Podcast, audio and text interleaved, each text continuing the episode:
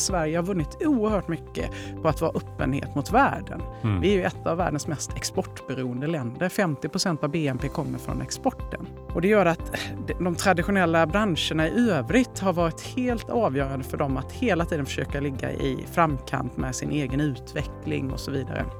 Och idag så handlar det om att du måste vara datadriven, du måste mm. hitta liksom mm. allt det som är det intressanta och bästa i digitala termer.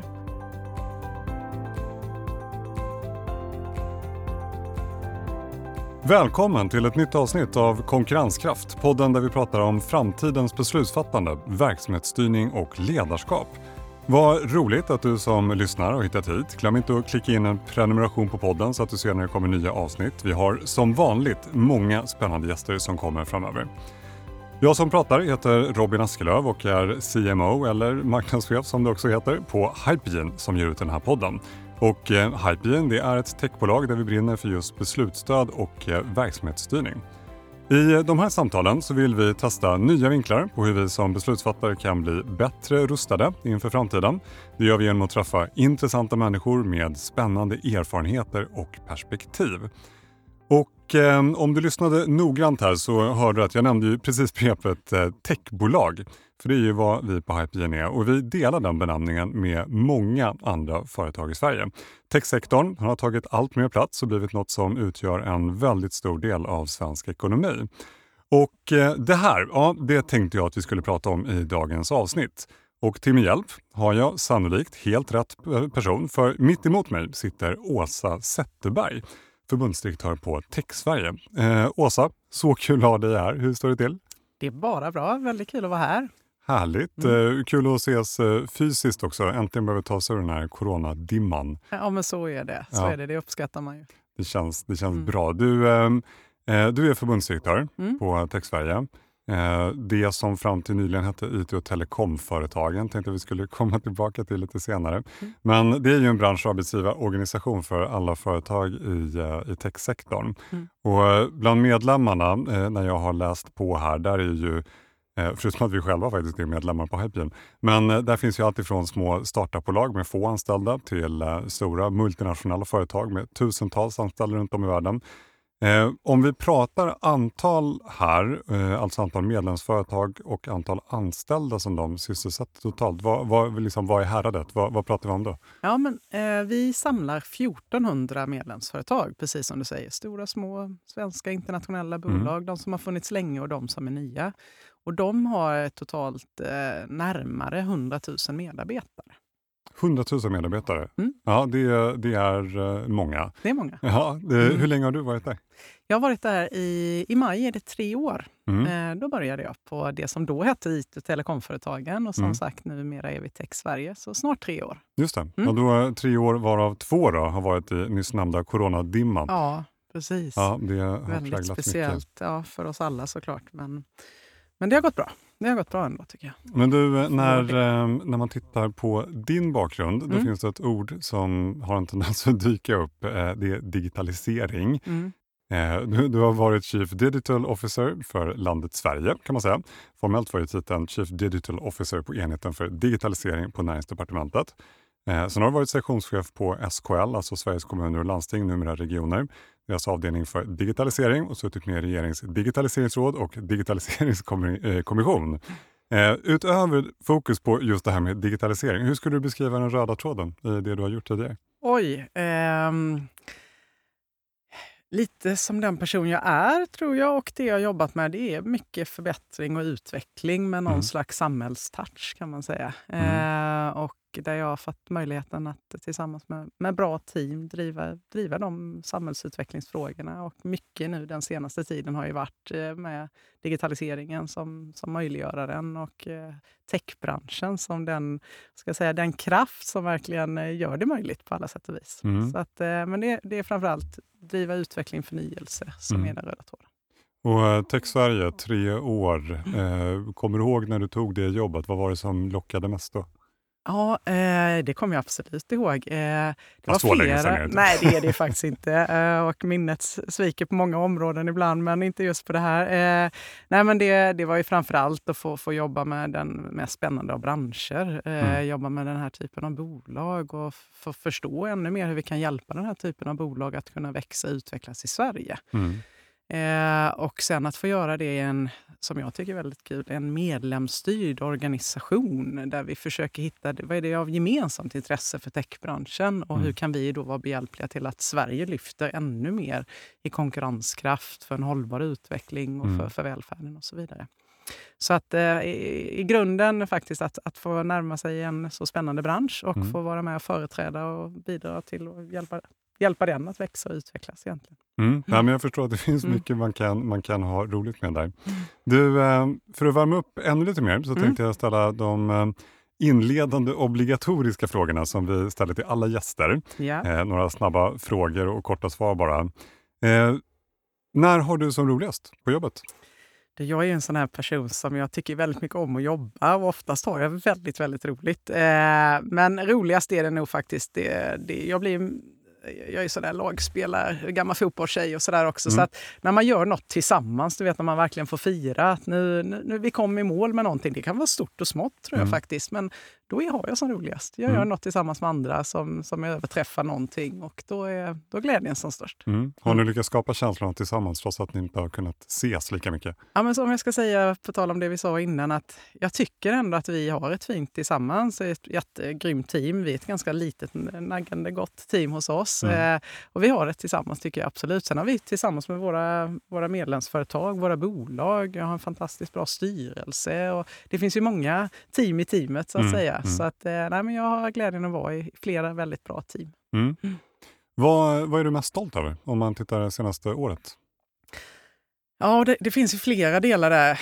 Du var inne på det innan under coronakrisen. Och jag, jag kan ju inte ta åt mig någon ära för det, men, jag är ju stolt över en bransch som verkligen har levererat när det behövdes som mest. Mm när Sverige och världen eh, hamnade i den här väldigt märkliga situationen eh, av coronakris och där vi inte kunde bete oss som vi hade gjort innan, så fanns det en bransch. Näten höll, vi kunde koppla upp oss, vi kunde mm. flytta över tjänster, kommunikation eh, Eh, och eh, kommunikation ännu mer i, i, de digitala termerna så att säga. Mm. Och där har vi varit, tycker jag, helt fantastiska som bransch. Eh, att också möta upp efterfrågan från såväl företag som offentliga aktörer och annat och konsumenter. Mm. Mm. och har levererat och i alla fall emellanåt då kunna lösa de utmaningar som, som den krisen gav med sig. Mm. Sen har jag väldigt stolt över vi, jag tycker vi i vårt team också på Tech Sverige har, har kunnat leverera och hjälpa till också för att sätta, synliggöra branschen, både som den positiva kraften har varit i coronakrisen som möjliggörare. Vi skapade konceptet Vi täcker upp för att mm. synliggöra mm. allt det bra som sker. Eh, vi har också satt just, vi, vi ser mer och mer att begreppet tech som sådant är, det är bra för vår bransch att mm. omfamna det i större utsträckning än att hålla fast kanske för mycket vid IT och telekom. Mm. Också för att skapa ett mer intresse kring branschen, göra den lite mer attraktiv och intressant för människor att söka sig till den. Mm. Och vi har också tagit fram en rapport som vi kallar Tech, Sveriges nya basindustri, som visar på betydelse av branschen. Mm. Så för att nämna några grejer så, så, tycker jag ja, både vad branschen har åstadkommit och sen är jag stolt över vad vårt team har åstadkommit. Mm. Jag, jag, tänker på, på flera saker utifrån det du säger där. Mm. Eh, det första är ju det här med alla medlemsföretagen som ni har och betydelsen de har haft under, under coronakrisen. Mm. Det där är ju en liten absurd tankeövning ibland. Tänk om coronapandemin hade kommit i, i början på 90-talet. Ja. Vad hade samhället gjort då? Precis. Alltså då hade man ju varit eh, rökta i någon mening. Ja. Alltså, Eh. Ja, men jag, absolut. Eh, och går vi ändå, det kan räcka med fem tio år tillbaka. Ja. För vi har ju varit med om väldigt mycket den senaste tiden och mm. fick ju kanske en ytterligare accelerator i när vi blev tvingade till att gå över till vissa typer av nya tjänster eller arbetssätt och sådär. Mm. Så att nej, men det, det har väl, om inte nu, eller om inte förr så nu, har det på något sätt visat sig betydelsen av, av tech. Mm, faktiskt. Mm, nej, men verkligen. Mm. Sen en annan sak jag tänker på också, det, det är det här techbegreppet som du, som mm. du nämner. Jag, jag, jag kommer ihåg att jag läste någon artikel, det var ganska nyligen, eh, där som handlade om att eh, unga tjejer hade en större benägenhet att söka till Mm. utbildningar när Mm. det var tech som var så att säga, rubriken på det än om det var IT. Ja, precis. Har jag, har jag drömt det eller Nej. känner du igen den? Nej, men det den, har kommit eh, nya rapporter kring det och så vidare. Och vi kommer väl in på det senare kopplat till vårt namnbyte och så vidare. Men, men eh, det är en sak som jag också är stolt Jag tror att vi, vi i alla fall i någon del har varit bidragande där att, att äh, sätta tech i sammanhanget. Vi ser att det ökar. Andelen ut, yrkeshögskoleutbildningar eh, nu ökar och vi ökar också i andelen kvinnor som söker sig till dem. Mm. Det är ju inte bara vad som hänt sista året och vi ska absolut inte ta åt oss äran för det för Tech Sverige utan det är bolagen och det man jobbar med och visa på vad det finns för bredden av alla, alla typer av jobb och så vidare. Mm. Men det finns ett positivt momentum nu som vi ska ta vara på som bransch och återigen ska säga som land för vi behöver väldigt mycket av kompetens och människor till den här branschen. Mm. Men det behöver hela näringslivet och hela samhället och offentlig sektor i övrigt. Så att ju mer vi kan faktiskt kanske omdefiniera och beskriva vilka olika typer av jobb och kompetenser som vi efterfrågar framåt. Mm. Den är jätte, jätteviktig. Mm. Mm. Ja, det var, det var några följdfrågor. Men Ja. du, tillbaka till, till de obligatoriska frågorna. Hur hittar du eh, inspiration för att eh, utvecklas i din roll? Ja, eh, ja, men jag, det väl samma sak där. Jag är, jag är ganska lätt att inspirera. Jag gillar att träffa människor eh, och eh, ha ett syfte på något sätt eller ett mål i någon utsträckning så är jag, är jag eh, ganska lätt att motivera. Ibland är det faktiskt min, eh, min utmaning att jag Mm. tycker väldigt mycket är inspirerande, viktigt och, och kan gå igång och få mycket energi på det. Men, men framför allt är det människor och, och mening om man säger så. Mm. Mm. Men sen utsätter jag mig ganska mycket för att inte bli äh, vad ska jag säga, trygg och sitta på min, eh, vid min stol så att säga. Eller vad man ska säga. Jag utsätter mig för nya saker, nya frågor, nya människor, nya sammanhang. Och det, den där lilla unsen av osäkerhet är faktiskt, tycker jag, också en inspiration. För då Mm. blir du lite extra nyfiken. Du vill eh, lära dig mer eller du vill bli bättre och du vill skapa något större liksom, sammanhang för andra eller för dig själv. och Så, där. så att lite det där att våga gå in i osäkerhetens eh, vad ska man säga, zon är, är också en inspiration. Mm, mm. Konstigt nog tror jag, men det är nog det för mig också. Mm, ja, men bra Mm. perspektiv tycker jag. Mm. Använda osäkerheten som grund för, för inspiration och nyfikenhet. Jättebra. Du, ehm, jag tänkte att vi kastar oss in i frågorna här som, som jag är nyfiken på. Då. Eh, jag tänkte skulle börja med en rapport Mm. som ni på Tech Sverige nyligen kom ut med. Rubriken var Tech är Sveriges nya basindustri.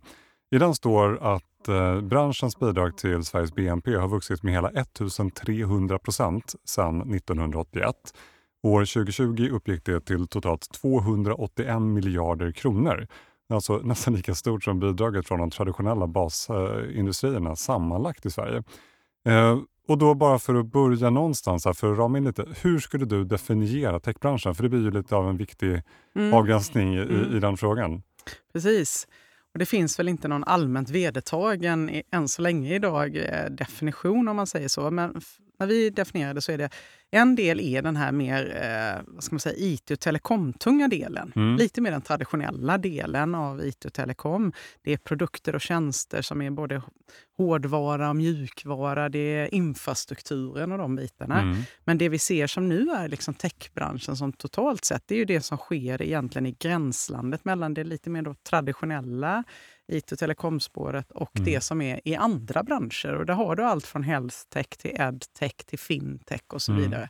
Så i den här rapporten gjorde vi en slags blomma för, för att beskriva liksom att det touchar liksom varandra med olika, olika blad från olika branscher kan man Ja, säga. det. och där IT och telekom, det intensiva är egentligen i, i, i mitten där så att säga. Mm. Ja, men, och, och det man ser där är ju... Alltså, uppenbarligen så växer det ju väldigt mycket. Det är en Mm. enorm tillväxt i Mm. hela då tech-Sverige. Eh, om, alltså om man tittar på vad det beror på. Alltså jag tänker på den här hem-PC-reformen. Mm. som vi pratade om där. Mm. Vad var det? Det var ju någonstans på, på 90-talet tror jag. Det, det känns som att den förklaringen, den är så gammal nu så den kan nästan inte vara giltig längre. vad, ska man leta förklaringar nu för att, för att förklara varför tech-Sverige växer Mm. så mycket, eller Mm. techbranschen i Sverige? Mm. Ja, men jag, man får nog ändå fortfarande hålla fast vid människor, alltså svenskar, liksom vår befolkning på något sätt. Vi, vi har fortfarande en relativt hög eh, digital mognad, teknikvänlighet, öppenhet. Eh, eh, för att eh, välkomna, testa, pröva saker. Eh, vi lever fortfarande ganska bra på att vi var relativt tidigt ute med att rulla ut bredband och snabba uppkopplingar ja, på ganska bred mm. front. Det, det har gjort att man Sverige är en intressant marknad för att göra saker. Det går att göra saker för det har både användarna och det har de grundläggande förutsättningarna. Men sen på det så har vi ju ett... Eh, vi ligger, rankar väldigt högt på innovationskraft, liksom entreprenörskap, eh, det småskaliga som kan mm, växa mm. och kanske någon slags tillit och trygghet hos oss som individer i att om det inte funkar så kanske vi inte ja, på något sätt hamnar på gatan heller ja, det, i det avseendet. Mm. Och, och det gör också att man att vi har kunnat ta oss framåt. Sen är, sen är ju Sverige har varit intressant i att vi också har en stor eh, basindustri i övrigt. Och med, med det sagt vill jag att även om vår bransch eh, nu också växer sig stark och vi jämför oss med andra basindustrier så är det ju, liksom, det är ju det är själva win-win situationen av att vi har ett starkt näringsliv. Vi är mm. utsatta för konkurrens. Sverige har vunnit oerhört mycket på att vara öppenhet mot världen. Mm. Vi är ju ett av världens mest exportberoende länder. 50% av BNP kommer från exporten. Mm. Och Det gör att de traditionella branscherna i övrigt har varit helt avgörande för dem att hela tiden försöka ligga i framkant med sin egen utveckling och så vidare.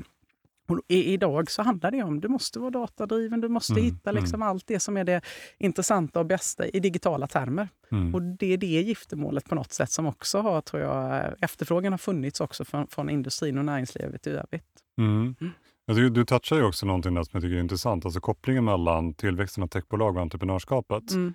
Och sen, sen nämner du också, vilket jag tycker är intressant, det här med att man kanske kan vara mer riskbenägen i Sverige på grund av att man hamnar inte på, på bar backe om man så att säga, mm. faller ur systemet. För att Tittar man till exempel på Handelshögskolan i Stockholm, där, mm. där har jag ju hört när jag pratar med lärare där att uh, studenter där, de, alltså, idag är det ju nästan så att de hellre startar egna bolag än går till det som var stort förr i tiden, det vill mm. säga börja på investmentbank eller, mm. eller på någon av managementkonsultbyråerna. Mm.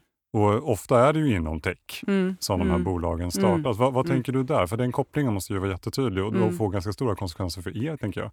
Ja, men så är det ju. Men, och vi har ju jättefina success stories, som vi säger. Så vi har mm. fina framgångar från startup-scen till scale-up till liksom, eh, ja, världsunicorns mm. och så vidare. Så det är klart att det är inspirerande för många, inte minst de unga, att hitta det nya och våga ge sig ut i det och sökandet och så vidare. Eh, och då kanske det känna kraften i att våga kunna göra någonting för egen del, hitta partnerskapet, mm. hitta investera. Alltså, vi har ju skapat en kultur skulle jag säga kring det där som mm. jag tror över tid, det gynnar oss. Liksom. Det gynnar mm. oss något alldeles. Eh, vi var tidigt ute i att, att våga börja skapa och bygga, bygga bolag som var helt digitala och globala spelare. Liksom. Mm. Mm. Och det är klart att det är ju, en marknad som är global är ju större än den som är på den svenska delen och att vi mm. är så pass eh, globalt orienterade mm. och att människor är det också, eh, det kommer gynna oss framåt. Mm. Så är det. Där skulle man kunna man kan mm. fördjupa sig jättemycket i det där. Alltså, inte minst kopplat till just eh, alla de här framgångsfaktorerna som i sin tur skapar olika typer av exits som genererar pengar som investeras på ja, nytt i nya precis, bolag. Så, så, blir det ju Positiva en, en spiraler. Positiv, precis, mm, precis. Det. Ja, det där är mm. jätteintressant. Men du, apropå det här med, med alla jobben som skapas, mm. i den här rapporten, om man tillbaka till den, ni skriver att mer än 60 procent av de nya jobben som skapades i Sverige mm. under 2006 till 2016, det uppstod i, i de IT-intensiva mm. eh, sektorerna. Mm. Eh, men sen tänker jag också på det, för du, du nämnde ju tidigare, vad var det du sa, 100 000 eh, anställda ungefär i, mm. bland era medlemsföretag. Och så nämnde du alldeles nyss också det här med, med globalisering, Eh, vi pratar distansarbetet har ökat under pandemin. Mm. Eh, och då kan man ju tänka sig att arbetsmarknaden totalt sett för anställda i techbranschen har blivit då mm. mycket mer global, för man kan mm. sitta också lite varstans och jobba. Mm. Skulle det här kunna vara ett hot för våra techbolag eller är det lika mycket en möjlighet tror du? Det, på sätt och vis så är det väl det är lite svårt att säga redan om man säger coronaeffekten av att vi distansarbetar, om man säger mm. så, även om den möjligheten fanns ju egentligen redan tidigare. Mycket av det som är dagens arbetssätt för många eh, för gemene man, eller ja, blev det under coronakrisen, kanske redan tillämpades i många av techbolagen redan tidigare. ska jag väl ja, säga. Så är det, det. Mm. Eh, men det är svårt att säga för att det är eh, den globala konkurrensen om talangerna, om kompetensen, den är helt enorm nu skulle jag säga. Det är väl en av de stora riskerna jag ser för svenska techbolags eller techbolag i Sveriges möjligheter till att växa och utvecklas och även för den student som vill starta sin startup. Mm, liksom. mm. Hur får du tillgång till kompetens? Så det är, det är liksom oerhört stark konkurrens i det. Eh, och om det tippar åt ena eller andra hållet, det, det är väldigt svårt att säga. Sverige mm. i alla fall som land konkurrerar ju då med, för det första, är det, är det, är det möjligt att bedriva bolag och mm, utveckling? Mm. Mm. Är det lönsamt? Vad lockar man med i förhållande till välfärd, boendemiljöer, livsmiljöer? Hur är, det, det för familjer? Och så? Det är så mm. många faktorer som kommer att påverka om man klarar sig den globala konkurrensen. Mm. Vi har dessutom frågan kopplat till, du vet, vi ut, utbildar väldigt många kloka doktorander och inom, inom forskarvärlden och annat som inte alltid får förutsättningar eller våra regelverk är så vänliga mot att behålla dem eller mm. knyta kvar dem här på olika sätt och vis. Ja, så vi behöver ju själva, och det är även när det gäller arbetskraftsinvandring, vi har rätt snåriga regler i det där och det, ibland kan det vara detaljfel som gör att vi inte får behålla den mm. kompetens som vi har lyckats intressera sig för att faktiskt komma till Sverige. Mm. mm. Så att vi behöver jobba jättemycket i Sverige med att skapa attraktivitet attraktivitet till att vilja jobba för, för bolag som verkar här. Mm. Verkligen. Nej, det märker ju vi. Eh, som mm. sagt, vi är techbolag, eh, mm. medlemmar som jag sa, mm. eh, hos er. Eh, ledningsgruppen idag, vi pratar ju oerhört mycket mer om precis de här frågorna. Mm. Engagera, mm. attrahera, mm. utveckla medarbetare. Det är ju en jätteviktig fråga. Ja. Så att, eh, ja, och den, som du säger, den delar vi nog med väldigt, väldigt många andra. Vi, våra siffror visar att vi saknar 70 000 medarbetare egentligen redan idag, men vi, våra prognoser är till 2024. Mm. Det är bara techbranschen, alltså i den it och telekomintensiva delen. Mm. Samhället, övriga näringslivet, mycket mer tittar du på Europanivå, då är vi uppe liksom i miljonklassen. Och tittar du på globalt så är det ännu större. Så att det är en jätte jätte, jättestark konkurrens och varje bolag kommer behöva tänka precis som ni gör. Mm. Hur, vad är det som vi kan liksom tillföra för att attrahera personal? Det är mm. en intressant marknad för alla som jobbar mm. inom branschen. så finns det ju så oerhörda möjligheter och det vill man gärna föra över till den kommande generationen av mm. liksom, elever och studenter och de som ska ut på arbetsmarknaden. Att här finns så väldigt mycket spännande att göra och då har du till och med en global arbetsmarknad. Det har mm. du inte med alla jobb. Ja, nej, men, nej. nej men verkligen. Och det är precis som du säger, man måste ju se det som en en möjlighet och som en positiv utmaning. Ja. För det finns ju enorma möjligheter Så i det. det. Att säkerställa att man faktiskt är den som är mest attraktiv, Precis. den som klarar av att engagera på alla möjliga sätt. Så att, äh, mm. jag håller helt med. Men det, det, det, finns så många aspekter i det här. Vi, vi pratar eh, andelen av eh, BNP är, är stort bland mm. Eh, svenska techföretagen. Vi pratar ju otroligt många anställda. Det, det exporten har vi också. Mm. Eh, det är en hög grad av export inblandad här. Eh, an, I den här rapporten då, så, så såg jag att branschens bidrag till svensk export har, har ökat med närmare 1200 procent sedan 1998. Uppgick 2020 till 140 miljarder kronor. Eh, upp, motsvarar 6 procent av Sveriges totala export. Alltså, någonstans mitt i allt det här så har ju ni uppenbarligen en, en roll. Ni gör ju massa saker. Mm. Eh, hur skulle du beskriva den? Alltså, vad är er roll i den fortsatta utvecklingen så som du ser den? Ja, men, och jag tror ju det, det kommer fortsätta öka. Alltså, techbranschens bidrag generellt kommer att öka i, i stor utsträckning. Samtidigt så vill jag bara säga det att det, det, det är många andra länder som, som ändå eh, på olika sätt och vis eh, springer snabbare nu. Så att vi utmanas också i, i mm. flera avseenden, vill jag ändå säga.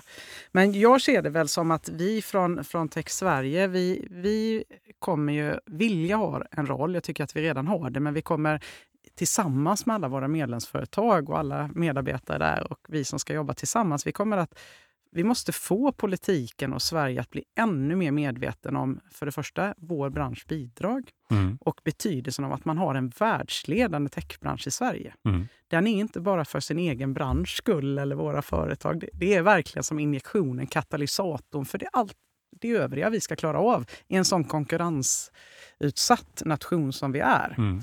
Så att vi, vi kommer att behöva liksom, vi, och vi kommer jobba starkt för det, både nu inför val och framåt, så att säga, att, att få Sverige att höja ambitionerna och handling för att vi är en världsledande technation. Mm. Vi har varit det historiskt, det har gynnat oss historiskt, men vi ser tyvärr tendenser på att många andra länder och techbranscher i andra länder växer snabbare än vad vi gör. Mm, eh, och det kommer hota mycket mer än bara vår bransch. Mm. Det kommer promota våra möjligheter till klimatomställningen, till återigen konkurrenskraften och innovationerna och även när det gäller hur vi levererar, kan leverera välfärd och, och offentliga erbjudanden framöver. Just det. Många perspektiv som sagt. Ja. Du... Och, och, utöver det skulle jag säga, det har vi varit inne på innan, vi är ju en arbetsgivarorganisation som sagt. Vi, mm. Att vi byter namn till Tech, Tech Sverige och vi, vi tittar på de här bitarna, hur vi kan vara employer branding för branschen. Mm. Hur kan vi locka fler? Hur kan fler känna sig intresserade, attraherade? Finns, vad finns det för jobb? Vi kommer behöva och kommer att satsa mycket på att, att få, upp, få väcka fler att vilja addera liksom tech till, till, till sin CV och till sitt engagemang. Mm. Eh, och så vill vi fortsätta såklart att underlätta för företag här med att det finns finns rätt regler och förutsättningar för att växa i just Sverige. Innan du kom till Tech Sverige mm. så var du som jag nämnde i början, du var Chief Digital Officer på enheten för digitalisering på, på Näringsdepartementet. I praktiken eh, har jag läst mig till, det var, ju, alltså, det var ju första gången Sverige hade en sån roll överhuvudtaget. Eh, det du skulle göra där det var egentligen att driva på genomförandet av Sveriges digitaliseringsstrategi. Och Innan jag kommer till min kanske egentliga fråga, för jag tycker det här digitaliseringsbegreppet mm. är ju i sig rätt intressant. För den kan betyda så himla mycket beroende på, eh, på, på vem man frågar. En del gör ju till exempel en poäng av att vi har kommit långt inom datorisering, mm. men att vi kanske inte har kommit lika långt inom digitalisering. Vad, vad tänker du där och hur skulle du definiera det här begreppet? Ja, men för mig så digitalisering är ju mycket mer en ongoing process, om man mm. säger så. Det är förbättra, utveckla, förändra med stöd av digital teknik. Affärsutveckling eller verksamhetsutveckling. Det är mer i kärnan av det man håller på med än att man konvertera något från analogt eller fysiskt till digitalt. Mm. Så att det, är, det är mer den här omställningsprocessen, förmågan som, som jag ser som är en del av digitalt. När vi ändrar våra beteenden, ja, eller arbetssätt eller erbjudanden. Eller betal, ja, alltså det är mer i grunden så att säga. Men mm. generellt så är, är, det utveckling, förändring och eh, förbättringen som, som jag för min del också är det jag inspireras, motiveras av att tänka kring. Men mm. sen kan man ju alltid definiera på olika sätt och vis. Men, men det är bärande för mig. Mm. Mm. Så mycket förändringsprocessen och framförallt mycket det, det genomgripande snarare än bara sättet man jobbar på. Ja, men sen ska man inte förminska. Man ska verkligen inte förminska. Allt kan inte vara genomgripande, allt mm, kan inte mm, vara mm. omstörtande mm. och ska inte vara det. Utan, det kan vara också i det lilla. Vi, vi förbättrar ändå med ett förnyat arbetssätt eller ja, förnyade liksom, sätt att kommunicera, vad det må vara så att säga. Mm. Men, eh, men det är ju inte bara det att vi går över till en pdf-fil kanske som man egentligen, inte, inte det enbart Nej. det skeendet, men det kan ju vara en led av en större, större liksom process också. Mm. Det som är viktigt tycker jag, det är ju att vi kommer aldrig bli klara. Mm. Eh, mm. även om vi nu håller på väldigt mycket med en digitalisering som handlar om att vi tidigare inte jobbade liksom eh, IT-baserat, datadrivet, hade inte internet. Mm, Vi håller ju mm. fortfarande på med att hämta hem ett arv av en annan tid. Mm, så. Mm. Eh, samtidigt som vi håller på att vidareutveckla det när vi väl har kommit in i den nya eran, komma till ännu smartare tjänster och nu på riktigt mm. jobba med intelligent liksom, ja, teknik. Så. Det. Men det här kommer vi fortsätta med. Mm. Mm. Nej, men det är intressant att bara få ditt perspektiv på, på vad det betyder innan man ställer nästa fråga. För att du har ju uppenbarligen jobbat väldigt mycket med digitalisering i offentlig sektor. Mm. Och nu i din nya roll här så kommer ju förstås väldigt mycket kontakt med, med privat sektor. Mm. Och sen, sen, är det ju mycket så, jag menar, dina medlemsföretag, de, för dem är ju digitalisering är ju liksom livsluften. Mm. Att, framförallt hjälper ju de många andra bolag att digitalisera. Mm. Men, men hur skulle du, alltså, hur, hur, hur väl skulle du säga att offentlig sektors digitalisering i Sverige står sig mot den privata utifrån de, de perspektiven som du har haft genom åren? Mm. Och Det är faktiskt lite svårt att säga rakt av, tycker jag. Även om det, det, är, det är lätt att tänka och säga jo men oj vad företagen ligger långt fram och så där. Men det ser väldigt olika ut, skulle mm. jag vilja säga. Det ser olika ut på storlek faktiskt. Eh, vi har ju liksom några av våra myndigheter, särskilt de större, några av de större, är ju, eh, utmärker sig fantastiskt med att vara fullständigt i princip datadrivna, smarta mm. tjänster, förenkla för dig och mig och så vidare. Mm. Eh, vi har eh, vissa kommunala verksamheter som har helt gått över och smarta tjänster för dig som användare, medborgare och så vidare. Och vi har såklart bolag som är, fan, de, bygg, de är liksom de är born digital så att mm. säga och då är det, är det på den delen. Mm. Men vi har också bolag, eh, inte minst inom vissa branscher och små och medelstora företag som har ganska mycket kvar att göra som inte har digital mognad heller. Mm. Så att det, ser, det är lite olika det är branscher som delar upp det lite för att man kanske inte är så utsatt för konkurrensen på global nivå. Mm, det har varit mm. en tror jag, hämmande faktor för vissa branscher. Vi har eh, mindre eh, entiteter inom offentlig sektor som haft svårare att klara mm. eh, hittills. Eh, och det bygger också på att digitaliseringen och det datadrivna har ju mycket av eh, vinsterna i delning och skalbarhet och så vidare. Och för vissa mindre entiteter så har man inte alltid kunnat kanske räkna hem det av liksom kloka skäl. så att mm, säga. Mm. Och vi, det som har varit utmaningen för offentlig sektor är att man inte riktigt har fått, i, fått ihop koncernperspektivet. Så den stora skillnaden är att ett, ett större bolag idag som är utsatt för internationell konkurrens, mm. även eh, konkurrens i Sverige, måste ställa om, annars så, så går det inte. Liksom. Ja, och då får man klara det inom en koncern också. Det är svårt, det är mm, komplext. Mm. Men Sverige som nation och offentlig sektor har fortfarande mycket att göra när det handlar om att ta ett mer av ett gemensamt koncernperspektiv. Ja, och där det inte handlar om vad varje förvaltning gör, eller kommun, just det, just det. eller region eller, eller myndighet och eh, hela, hela liksom samhället. Eh, så att tyvärr ser vi i internationella rankingar att det finns, eh, finns signaler om att offentlig sektor i Sverige hänger inte riktigt med. Mm. Vi går inte i takt med totalt sett näringslivets mm. Eh, och företagens utveckling och därmed också oss användares mm. Mm. Eh, och medborgares förväntningar. Och vi går inte riktigt i takt med vad andra länder gör. Ja, den är intressant. Mm. Och eh, när du säger så, för det var egentligen min nästa fråga, hur vi, hur vi stod oss internationellt, vad du hade för perspektiv där. I de jämförelserna, vad, frågan är ju jättestor. Mm. Eh, är det specifikt om man tittar på hur så att säga, nationen hantera digitaliseringen utifrån ett övergripande perspektiv som du tänker då? Hur vi står oss jämfört med andra där vi halkar efter? Eller tänker du på fler områden? Ja, och jag ska reservera mig. De här indexerna är som de är. Så det, ja, det kommer alltid vara ja. så. Men, men totalt sett så har, eh, är min bedömning att om man säger statens, det samlade åtagandet för att mm. hjälpa Sverige och den offentliga sektorn att klara av att ställa om, det har varit för lite, det har varit för minimalt. Mm. Vi har ju en myndighet idag, Myndigheten för digital förvaltning, som kom till för några år sedan.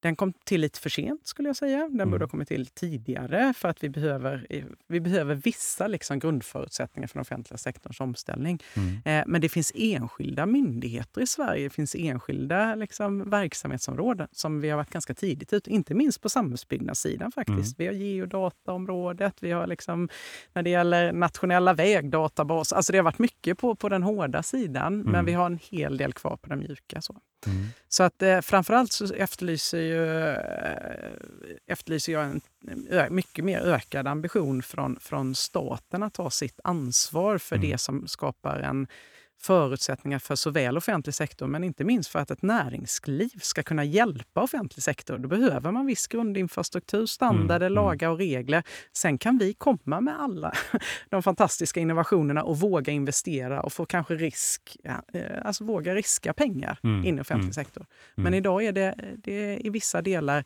är det inte spelplanen så tydlig och ambitionerna inte tillräckligt höga och då blir det inte alltid så intressant heller för vissa av bolagen att gå in här. Ja, just det. Nej, men jag, jag tänker när, när du berättar här, jag, jag tänker ju på, på vår verksamhet och, och våra kunder. Att, att jobba med Hypegen är till stora delar att, att jobba med digitalisering, eller i alla fall delar av sin digitalisering. Och Vi mm. har ju kunder både i, i privat sektor och i offentlig sektor. Och jag delar ju den bilden du har. Alltså vi har ju kunder inom offentlig sektor som har kommit jättelångt mm. och vi mm. har kunder inom privat sektor som har kommit mm. jättelångt. Mm. Och det finns absolut inte någon, någon, så att säga, någon, någon, enkel jämförelse där man kan säga att den ena har kommit längre än den andra, utan det är snarare på, på organisationsnivå skulle jag säga mm. och, och, och, vad de har lagt för digitaliseringsstrategi, hur väl de lyckas omsätta den i praktiken. Ja. Så att den, den delar jag helt. Men du, um, en, en annan eh, aspekt på det här. Jag tänker på, eh, det finns en, en annan känd person in, inom digitalisering och just offentlig sektor. Han heter Johan Magnusson, mm. eh, professor vid Göteborgs universitet. Har du varit i kontakt med honom? Absolut. Någon gång? Ja, jag kunde nästan mm. tänka mig det. Mm. Eh, han, han, han, han är ute och pratar så himla mycket, mm. otroligt duktig. Mm. Men han menar att de som gör digitalisering till en IT-fråga kommer få det svårt. Och istället så tycker han att det här ska ligga mycket mer ute i i verksamheten och ägas av verksamheten, mm. Eh, alltså inte IT-chefen. Mm. Vad, vad, är dina tankar kring det? Och då, då tänker jag egentligen oavsett om man pratar offentlig eller privat sektor. Ja, ja men Johan är jättekunnig och eh, på det sättet så tycker jag att han har en viktig poäng här som jag absolut understryker också.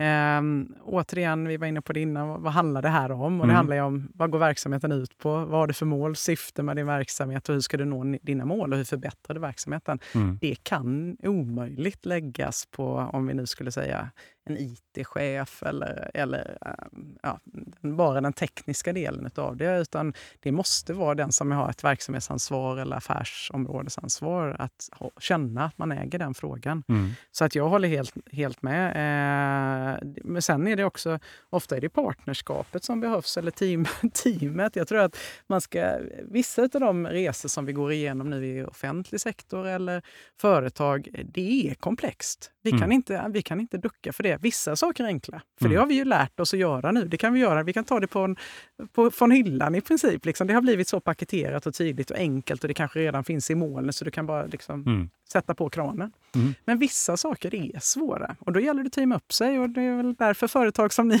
är den bästa av teamplayen också till den som kanske sitter på, mm. ett, på ett företag eller på offentlig förvaltning för att få in den bästa av kompetensen i kombination. Men ägandeskapet eller den som ska leda och driva det måste ju ha ett, liksom ett eget verksamhetsansvar eller affärsområdesansvar på mm. något sätt och för att man ska nå ett mål. Mm. Så den, annars så tror jag man leder fel och det är ibland faktiskt som jag hör, tycker jag, som, som det är fel att man slår ibland på våran bransch eh, och på kanske den IT, den tekniska delen. Man slår mm. mot den biten.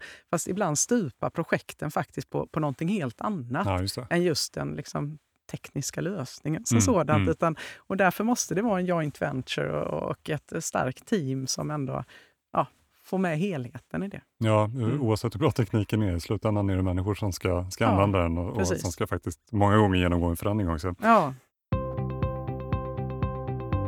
Innan vi går in för, för landning, eh, jag tänker tillbaka på, på Tech Sverige, alltså mm. din organisation.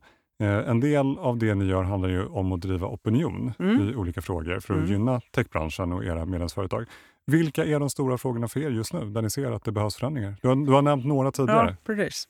Ja, men jag, kan, jag får återupprepa lite. Nej, men för det första, Sverige måste höja nivån ambitionerna betydligt mycket mer. Sverige ska vara en världsledande technation. That's it. Liksom. Mm. Och det måste genomsyra eh, totalt sett politiken, ledarskapen. Eh, inte bara en minister och inte, mm. inte bara liksom, eh, ett departement, utan det måste genomsyra faktiskt politiken i Sverige med det sagt så det mesta och det bästa som händer när det gäller att driva Sveriges liksom, utveckling inom tech och som technation, det sker också bland alla dessa talanger och företag. Mm. Så vi, vi ska värna den här branschen. Och värna den här branschen det gör man genom att, att vi har tillgång till kompetens. Vi ber ofta inte om så mycket som bransch. Vi mm. skapar mm. väldigt mycket och försöker springa på. Mm. Eh, men vi, har vi inte kompetens så kommer vi inte kunna göra det. Och där mm. ber vi också om ytterligare liksom, hjälp. också. Vi behöver både ut, bredda utbudet av utbildningar, formerna för det, att fler kan komma in eh, senare in i livet och så vidare. Mm. Eh, men sen handlar det också om att det är spelplanen för bolag att växa och finnas här. Både mm. investerare och de som är entreprenörer och de som också är etablerade bolag. Att spelplanen med allt vad regelverk är eh, och möjligheter till att satsa, mm. det, det, måste vara också relativt förutsägbart. Mm. och man, man ska liksom på något sätt våga investera Våga mm. vilja växa och utvecklas i Sverige helt mm. enkelt. För att nämna några. Eh, skulle jag också säga vad branschen kommer till oss med så vill man ju spela en ännu större roll när det gäller klimatomställningen. Okay. Eh, tech och liksom hållbarhet, det hör ihop. Mm. Eh, och det kommer vi också behöva samlas ännu mer kring. Eh, att ta oss an den utmaningen, allt vad gäller de globala målen och hållbarhetsmålen och så mm. vidare där vi har en jättestor roll att spela. Eh, både ta ansvar för vår egen del, men att vara möjliggöraren för mm. alla branscher och för samhället som helhet. Mm. Så den, den kommer vi fortsätta jobba starkt med. Och en aktuell fråga i dessa tider, vi är ju i en väldigt speciell situation på när det gäller var världen befinner sig och inte minst mm. det som sker i Ukraina. Eh, och kopplat till det så är det också hela säkerhetsfrågan, cybersäkerhet, informationssäkerhetsfrågorna, tryggheten och tilliten i samhället och att minska sårbarheten. Mm. Sverige behöver växla upp även här eh, sina ambitioner. Vi behöver samverka ännu mer, mm. få en mycket tätare dialog och utbyte mellan näringslivet och det offentliga. Eh, I den värld vi är i idag så är vi liksom digitalt vi är mm. uppkopplade mm. och då behöver vi också bygga in eh, vilket vi har lyckats relativt väl med. Men, mm. men det finns fortfarande mer att göra för att eh, säkra, eh, säkerställa att, att, eh, att vi inte utsätter oss för onödig fara. Kan man säga. Mm. Ja du, eh, mm. Åsa Zetterberg, eh, mm. det låter som att du och dina kollegor kommer, ni kommer inte lida brist på arbetsområden framåt i alla fall.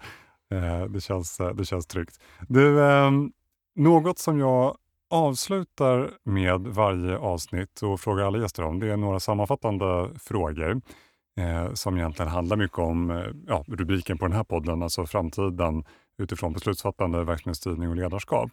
Sett från ditt perspektiv, vad skulle du säga är en framgångsfaktor för framtidens beslutsfattande? Ja, tillgången till eh, vad ska jag säga, kompetens och alltså, vad fattar du ditt beslut på? Det beror ju på var du befinner dig. Jag tror väldigt mycket på att man kommer behöva bygga nätverk, partnerskap, tillgång till också faktiskt datadrivna underlag. Mm. Alltså bygga, bygga sammanhanget på vad du fattar dina beslut på. Mm. Det tror jag väldigt mycket. Och det, det är, om man ska kalla det nätverk, eh, ekosystem, partnerskap eh, kombinerat med, med de digitala bitarna i det. Jag tror det är helt avgörande framåt. faktiskt. Mm. Det, världen är komplex, det är mycket man ska kunna, det är mycket man ska förstå. Det sitter inte i en individ, utan mm. beslutsfattarna sitter i en samlad kompetens på något sätt. Mm. Mm. Om man går vidare och tittar på nyckeln till framtidens verksamhetsstyrning, och då tänker jag på planering, uppföljning, analys för ja. beslutsfattare. Precis. Eh, och egentligen, jag kan inte säga annat och det är det jag tror på och jobbar mycket med. Så att för mig är verksamhetsstyrning, teamet är grunden. Liksom. Mm. Det kommer vara. För mig är det det och jag tror att det är det som bygger både glädjen i jobbet men också effektiviteten och eh, kvaliteten i det. Och då bygger väldigt mycket på att man eh, man, eh, och jag tror också att teamen kanske i större utsträckning kommer kanske inte alltid befinna sig i samma fysiska rum. Mm, så mm. Det är ju redan idag, det behöver vi inte ha någon mm. jätteframtidsspaning för. Och då, viss tydlighet behöver man då ha, kanske ibland lite ökad tydlighet mm. i målsättningar eller i liksom styrningen. Eh, jag tror på långsiktighet vad gäller vissa typer av mål som ska vara ambitiösa, men jag tror också på det iterativa, lite mer regelbundna. Vi, vi jobbar själva med, med det vi kallar mål och nyckelindikatorer, eller mm. OK, OKRs. Eh, Detachal-visa i, i ett mål och teambaserat eh, arbetssätt för att hela tiden omvärdera, ompröva och försöka eh, ja, mäta progress men också omstöpa kanske målen och inriktningen och så vidare. Mm. Mm. Mm. Om man tar den mjukare delen av det där och tittar på nyckeln till framtidens ledarskap. Ja, eh, det, är svårt det här med man ska spana också framtiden och de yngre generationerna. Mm, och sådär. Men jag tror faktiskt att en väldigt viktig del det är att, att eh, eh, drivkraften till att vilja jobba, motivationen till att mm. vara mm. i ett sammanhang överhuvudtaget. Nu eh, får vi se allt vad som händer här i världen, men, men man kan höra och se när man lyssnar på den yngre generationen att man vill känna mening, mm. delaktighet, ibland ganska stor självständighet också. Mm. Eh, så att, att, in, att få människor att leda, leda genom att få människor att leda sig själva mm. genom sin egen motivation tror jag är en nyckel för att attrahera åtminstone vissa typer av talanger. Eh, och inte minst inom vår bransch faktiskt. Eh, och sen hur man exakt gör det med motivation, inspiration, självständighet. Liksom, mm. Mm. Eh, utrymme för att ta vara på men varje människas potential. Det, mm. det ser så olika ut verkligen. Men mm. Eh, leda genom att få människor att vilja leda sig själva. Mm. Ledarskap och självledarskap. Mm. Du Åsa, det har varit jättespännande mm. att få uh, lyssna på dina tankar. Jättekul att du vill uh, komma hit idag. Mm. Tack så hemskt mycket, jättekul att vara här. Och eh, alla ni som lyssnar, jag brukar ju alltid försöka tipsa om bra läsning. Det tänker jag göra den här gången också. Eftersom vi idag har pratat jättemycket om digitalisering så tänkte jag tipsa om boken Den digitala omställningen, strategier och perspektiv. Eh, den här gången faktiskt skriven av svenska Simon Bayer som är Partner och Chief Strategy Officer på byrån Engager. Eh, de hjälper flera av världens största varumärken med digitala frågor. Boken är skriven för alla som vill förstå digitaliseringens innebörd, risker och möjligheter. Så spännande läsning, utlovas med andra ord. Jag eh, lägger ut titeln i avsnittets beskrivning och sen tycker jag som vanligt att du ska gå in på hypegen.se för där hittar du allt ifrån whitepapers och rapporter till webinars och föreläsningar. Allt kretsar kring beslutsstöd och verksamhetsstyrning som alltså är det som vi och vår produkt handlar om. Och sen så slutligen, glöm inte att prenumerera precis som jag sa inledningsvis för då får du reda på när det kommer nya spännande gäster. Och eh, med det så tänkte jag runda av avsnittet. Så återigen, stort tack för att du har varit med Åsa. Och eh, stort tack alla ni som har lyssnat och ha en fortsatt riktigt, riktigt bra dag.